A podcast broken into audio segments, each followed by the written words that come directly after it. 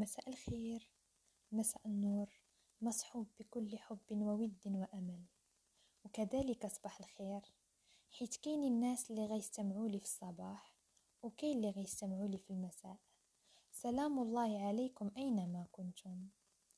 كنت جالسة وبين يديا فنجان قهوة كنستمتع باللذة ديالو والمذاق. من بعد خممت بعمق باش ندير أول بودكاست بعد تشجيع لي من طرف صديقة لي في العمل.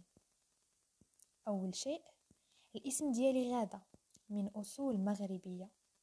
لهذا السبب قررت نتكلم باللهجة المغربية اللي تكون بسيطة وجد سهلة الفهم بالنسبة للدول الأخرى.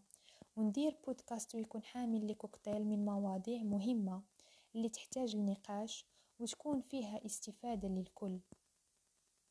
مرحبا بالجميع. ونتمنى لي بودكاست ديالي يكونوا خفاف على قلوبكم.